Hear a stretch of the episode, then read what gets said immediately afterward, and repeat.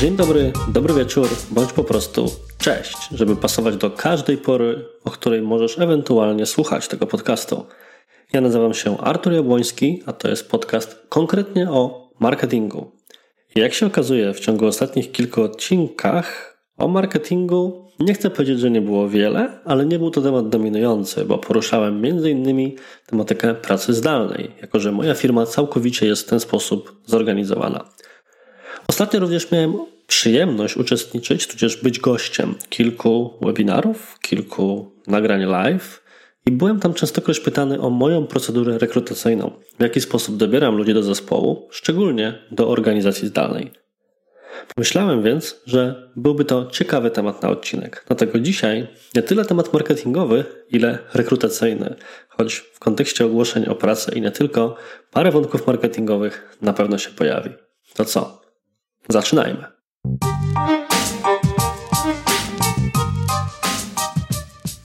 Rekrutacja to coś, co pamiętam, że na początku spędzało mi sens powiek, szczególnie gdy miałem do pracy przyjąć pierwszego pracownika w historii.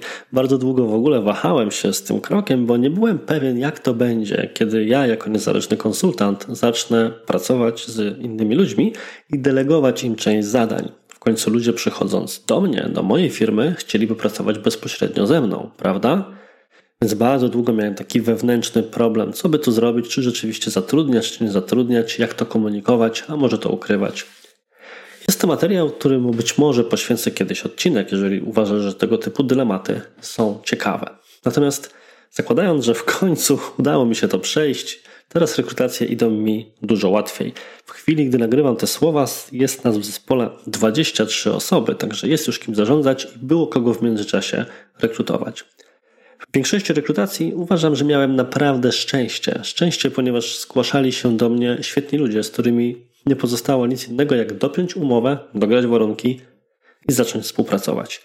Po drodze było kilka problemów, o których też mam nadzieję dzisiaj uda się porozmawiać, natomiast przez cały ten okres rekrutacji, który prowadzę przez 3 lata, wypracowałem sobie pięcioetapowy proces, którym chciałbym się dzisiaj z Tobą podzielić.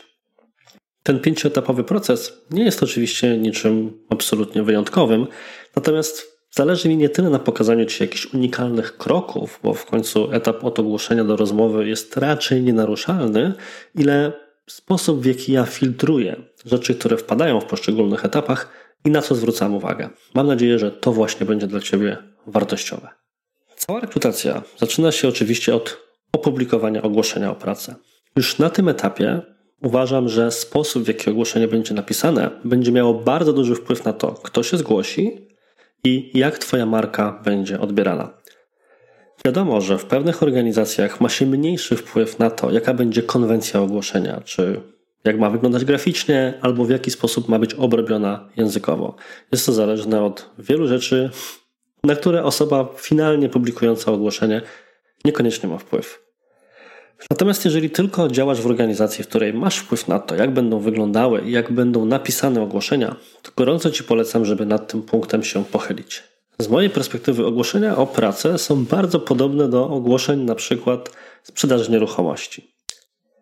Mam okazję często współpracować z tą branżą, a Ty zapewne masz też okazję przeglądać ogłoszenia wynajmu czy sprzedaży nieruchomości. I na pewno zauważasz, że są to ogłoszenia maksymalnie skonwencjonalizowane.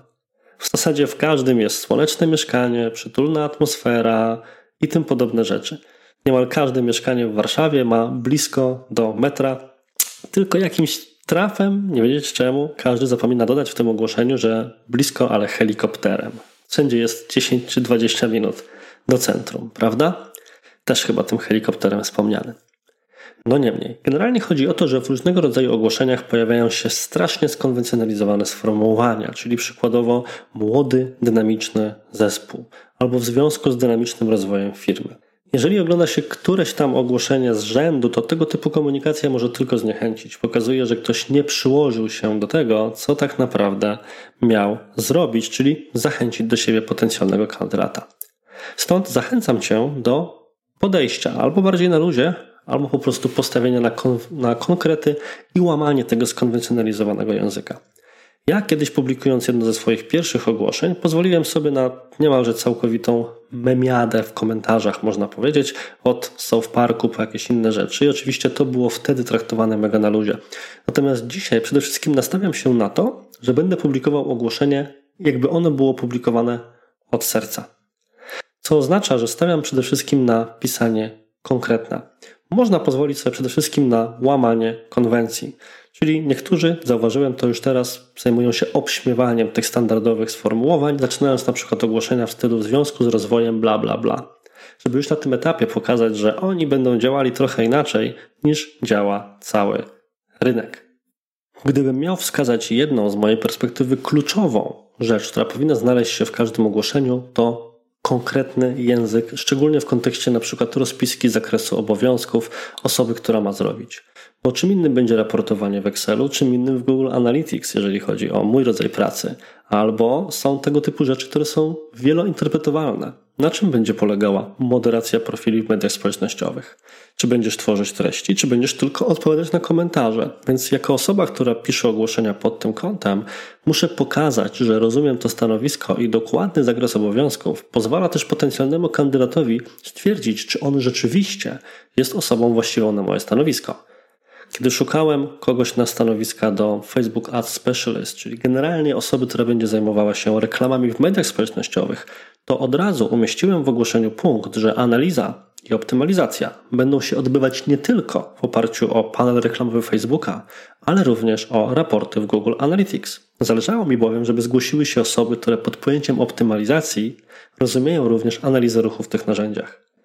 Kiedy niedawno rekrutowałem osoby na stanowiska menedżerskie, miałem bardzo duży problem, bo mówmy się, tego typu praca nie jest jakąś pracą, którą można określić łatwo pewnymi ramami.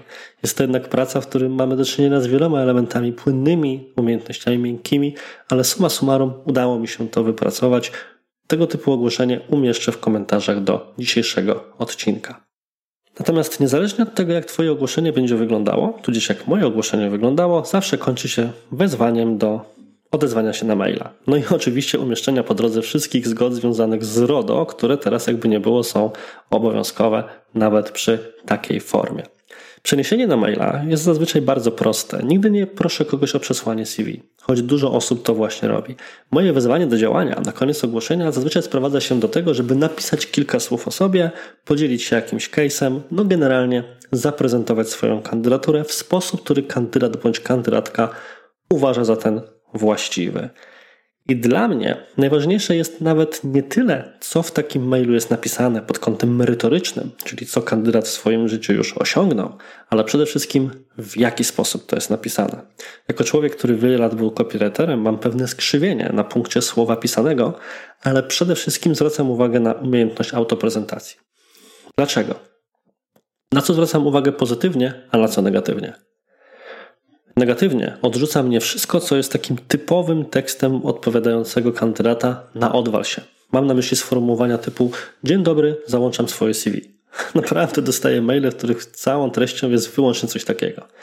Albo inne, które, mimo że są dłuższe, niekoniecznie bardziej merytoryczne.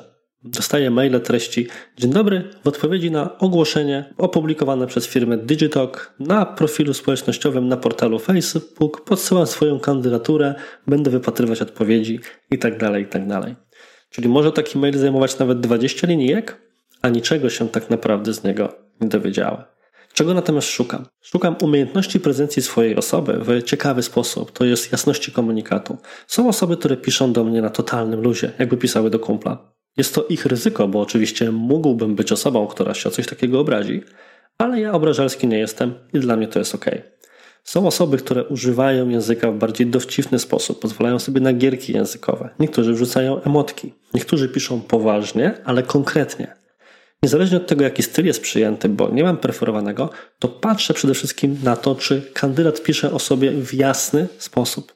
Czy potrafię pisać prostymi zdaniami, logicznie złożonymi, wynikającymi z siebie nawzajem i czy wypowiedź składa się w spójną całość, a nie jest jakimś potokiem nieprzemyślanych rzeczy następujących jedna po drugim. Dlaczego to jest dla mnie takie ważne? Po pierwsze, moja komunikacja w zespole jest bardzo mocno oparta na tekście. Mamy tutaj do czynienia z narzędziami takimi jak Asana czy Slack, czyli mediami tekstowymi.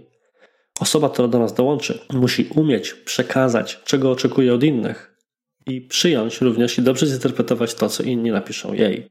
Po drugie, mail to jedno z najważniejszych narzędzi komunikacji z klientem. Jeżeli ktoś nie potrafi do mnie podczas ogłoszenia o pracę, gdzie umówmy się, ma naprawdę dużo czasu, żeby przygotować swoją wypowiedź i nie potrafi się wówczas dobrze zaprezentować, to co dopiero, kiedy będzie trzeba na szybko napisać maila do klienta. Dlatego właśnie tak mocno sprawdzam, czy ten mail, który do mnie wpada, nie jest jakoś przesadnie skonwencjonalizowany i czy ktoś potrafi pokazać w nim odrobinę charakteru, bo to mi pokazuje, czy będzie również skuteczny pod kątem komunikacji. Osobom, które zwrócą moją uwagę poprzez sposób, jaki wyślą maila, wysyłam, i to jest etap trzeci, krótką ankietę składającą się z pięciu pytań. Są tam pytania standardowe, typu od kiedy taka osoba może zacząć, pytania o formę umowy, czy pytania na przykład o znajomość różnego rodzaju internetowych narzędzi. Natomiast dwa pytania, które z mojej perspektywy są najważniejsze, to po pierwsze pytanie o case'a, a po drugie pytanie o pieniądze. O co chodzi z pytaniami o case'a? Zawsze proszę kandydata, żeby przedstawił jedną rzecz, z której jest dumny, jeden projekt czy jedną optymalizację w zależności od stanowiska i przedstawił, jak do tego doszło.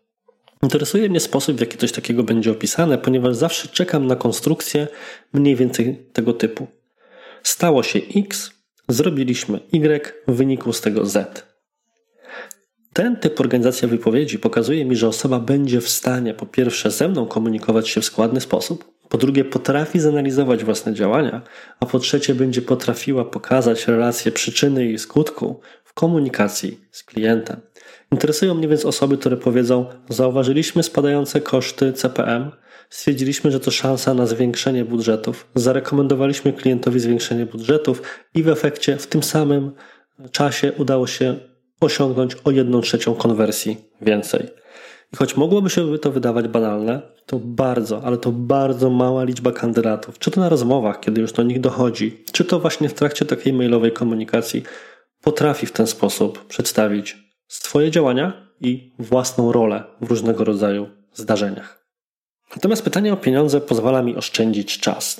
Zawsze wychodziłem z założenia, że nie ma nic gorszego niż pójść na rozmowę kwalifikacyjną, poświęcić na to x czasu, a przedtem x czasu na nerwy przed daną rozmową, tylko po to, żeby po tym jak zaprezentujemy się z najlepszej strony, dowiedzieć się, że budżet na dane stanowisko to na przykład połowa tego, czego się spodziewaliśmy. Ja zawsze więc pytam człowieka, który ma aplikować do mnie o pracę, ile chciałby zarabiać. Jest to oczywiście pytanie troszkę negocjacyjne, ponieważ wiadomo, że niektórzy zawyżą, niektórzy być może zaniżą. Natomiast ja staram się nie negocjować dużo z osobami, które mm, do mnie aplikują. Natomiast to pytanie pozwala mi też pokazać, jak ktoś wycenia własną pracę. Bo jeżeli ktoś aplikuje na stanowisko samodzielnego specjalisty, ale jednak nie z doświadczeniem rzędu 5 czy 6 lat, a jednocześnie prosi o pieniądze dwu lub trzykrotnie wyższe niż stawka rynkowa, to pokazuje mi trochę, że ta osoba nie bardzo ma pojęcia, jak wygląda w zasadzie w tym momencie rynek. Jeżeli ktoś z kolei daje stawkę za niską, to nie jest to w żaden sposób skreślające, natomiast też pokazuje, że być może ma jakieś problemy e, z odpowiednim oszacowaniem swoich możliwości. To nie jest tak, że wykorzystuję tę wiedzę do jakichś ostrych negocjacji i nagle będę bawił się w sztuczki, które pozwolą mi wbić komuś szpilę, przez co będzie się zgadzał na kwotę poniżej tego, co by chciał. Bo to nie o to chodzi. Ja z tą osobą mam pracować, więc ona musi być zadowolona z pensji, którą otrzymuje. Natomiast to nam pozwala stwierdzić, czy jest przestrzeń do negocjacji. I kwestie pieniędzy staram się zawsze ustalić mailowo, zanim jeszcze w ogóle dojdzie do jakiejkolwiek rozmowy ze mną czy z członkiem mojego zespołu. To jest zapowiedź kolejnego etapu, ponieważ jeżeli już uda nam się dogadać z kandydatem w zakresie tych podstawowych terminów, czy umów, czy papierów takich jak NDA, czy umowa o zakazie konkurencji, których treści wysyłam już na tym etapie, żeby ktoś się zapoznał z papierami, które ma w końcu po szczęśliwie zakończonej rekrutacji podpisać, to etapem czwartym jest weryfikacja merytoryczna. Jeszcze do niedawna robiłem to samodzielnie, natomiast wyszedłem z założenia, że skoro przez większość czasu z daną osobą w bezpośredniej komunikacji będą członkowie mojego zespołu, to powinienem ich włączyć w proces rekrutacji. Kiedy więc ostatnio robiliśmy rekrutację kolejnej osoby do zespołu zajmującego się Google Adsami, poprosiłem Michała, który jest fantastycznym specjalistą, o poprowadzeniu takiej rozmowy kwalifikacyjnej. Czego jeszcze do tej pory nie robił, ale poradził sobie zadaniem świetnie i kandydat, z którym rozmawiał, od kwietnia rozpoczął z nami działania. Pozdrawiam Cię, Damianie. W innym wypadku proszę jedną z team liderek. Mój zespół połączony, podzielony jest na dwie, dwa zespoły, dwa mniejsze zespoły, którym zarządzają Agnieszka i Maja i je również mogę poprosić o to, żeby wzięły udział w rekrutacji i zweryfikowały danego kandydata pod kątem tego, czy uważają, że będzie sensownym pod kątem czysto merytorycznym nabytkiem do zespołu. Kiedy kandydat przejdzie takie merytoryczne sito, to ostatnim etapem Le Grand Final jest rozmowa ze mną. Natomiast rozmowa ze mną nie jest typowa, ponieważ nie jest to rozmowa skupiona już wówczas na aspektach merytorycznych, ale bardziej skupiona na tym, żeby poznać tę osobę. Ja bardzo mocno wierzę w nadawanie na tych samych falach. Oczywiście to nie oznacza, że mam zamiar rekrutować osoby tylko i wyłącznie podobne do mnie, ponieważ to byłby największy błąd. Natomiast wierzę w to, że jestem w stanie po rozmowie, przedstawiając komuś swoje wartości, poznać jego system wartości i na tej podstawie stwierdzić, czy pasuje do mojego zespołu. Ja szukam ludzi bystrych, szukam ludzi pracowitych, ale przede wszystkim szukam ludzi skromnych. Może nie tyle skromnych, ile takich, którzy nie mają rozbuchanego ego. Uważam, że nie ma nic gorszego niż mieć kogoś, kto jest nawet świetnym pracownikiem, ale jest przekonany o własnej wyjątkowości. Ktoś taki rozwali zespół od środka. Moja polityka rekrutacyjna, o której zawsze mówię właśnie na tym etapie, na tej, podczas takiej rozmowy brzmi: nie zatrudniam dupków. Zatrudniam ludzi, którzy będą pomagali sobie nawzajem, a nie patrzyli tylko na czubek własnego nosa. Zadaję zawsze też kilka pytań, które uważam, że ładnie kwalifikują sposób, w jaki kandydat myśli o sobie czy o rzeczywistości. I jednym pytaniem, które Ci gorąco polecam, jest pytanie: czy uważasz, że masz szczęście? Teoretycznie pytanie banalne, ale odpowiedź na nie bardzo dużo mówi.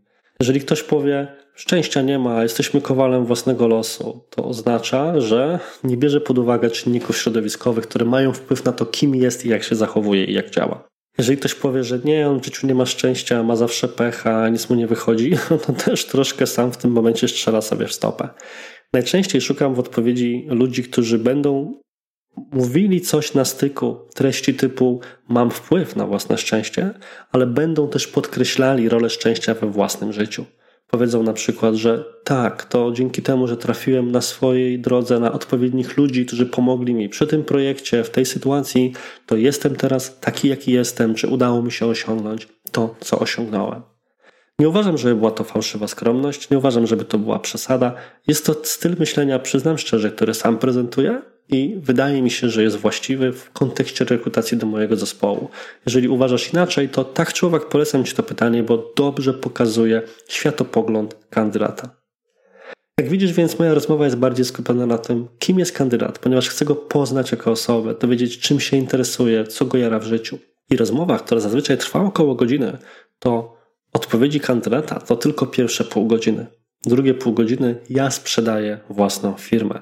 Opowiadam, jak pracujemy, co robimy, kto jest w zespole, za co będzie odpowiedzialny, jak będzie wyglądał pierwszy miesiąc, jakie są warunki sukcesu w tej firmie. Zależy mi na tym, żeby człowiek poznał, do jakiego środowiska ma wejść. Bo zawsze mówię, że i na tym etapie z rekrutacji można się wycofać, bo to w tym momencie dopiero człowiek poznaje, jak wygląda cała organizacja. Zadaję też oczywiście to samo pytanie, które zadają wszyscy, czyli czy ty masz do mnie jakieś pytania? Tutaj z kolei czekam na jedno pytanie, o którym wyczytałem w jednej z książek menedżerskich, a pytanie brzmi: co trzeba zrobić, żeby odnieść w tej firmie sukces? Bo to pytanie od razu pokazuje, że jest to osoba nastawiona na umiejętność rozliczenia własnej pracy i analizy własnej pracy i wyznaczania, jak to się ładnie mówi, KPI-ów. Natomiast podsumowując, wychodzi na to, że ja generalnie zatrudniam w oparciu o wiarę w ludzi i o to, co w nich zobaczę. Mniej patrzę na zdolności pod kątem e, merytoryki, którą ktoś prezentuje, bo wychodzę z założenia, że wszystkiego można się nauczyć. I wiele razy, mam nadzieję, że nikt się o to nie obrazi, z moich pracowników zatrudniałem te osoby, które nie były na najwyższym poziomie merytorycznym na tle pozostałych kandydatów, ale miały w sobie to coś charakterologicznego, co sprawiało, że uznałem, że będzie mi się z nimi dobrze pracowało. I na rekrutacje, których miałem chyba 26, 27 łącznie, no pod 30, to może dwa razy do tej pory coś poszło nie po mojej myśli. Natomiast pozostałe, prawdopodobnie dzięki dużej roli szczęścia i właściwym osobom, które się zgłaszają, skończyły się tak, że pracujemy ze sobą cały czas. I to tyle w dzisiejszym odcinku. Mam nadzieję, że to, że odskoczyliśmy od tematu czysto marketingowego czy czysto dotyczącego mediów społecznościowych nie przeszkadzało Ci zbytnio i ten odcinek też był dla Ciebie ciekawy. Daj mi proszę znać w komentarzach czy w wiadomościach, czy chciałbyś takich odcinków więcej. Mam już jakieś doświadczenia z zarządzania swoim małym, skromnym biznesem i chętnie się nim podzielę, nawet na zasadzie zbierania własnych myśli. Odbiję je od Ciebie. Być może Ciebie zainspirują, a być może Ty wyślesz mi w komentarzu czy później w mailu jakieś przemyślenia od siebie, które zainspirują z kolei mnie. Gorąco Cię zachęcam jak zawsze do subskrybowania tego podcastu i dzielenia się nim ze światem, tak aby słuchalność rosła, a ja mógł podbijać iTunesa i każdy inny serwis. I kończąc, życzę Ci przede wszystkim zdrowia, bo ono jest w tej chwili najważniejsze i świętego spokoju. Do usłyszenia.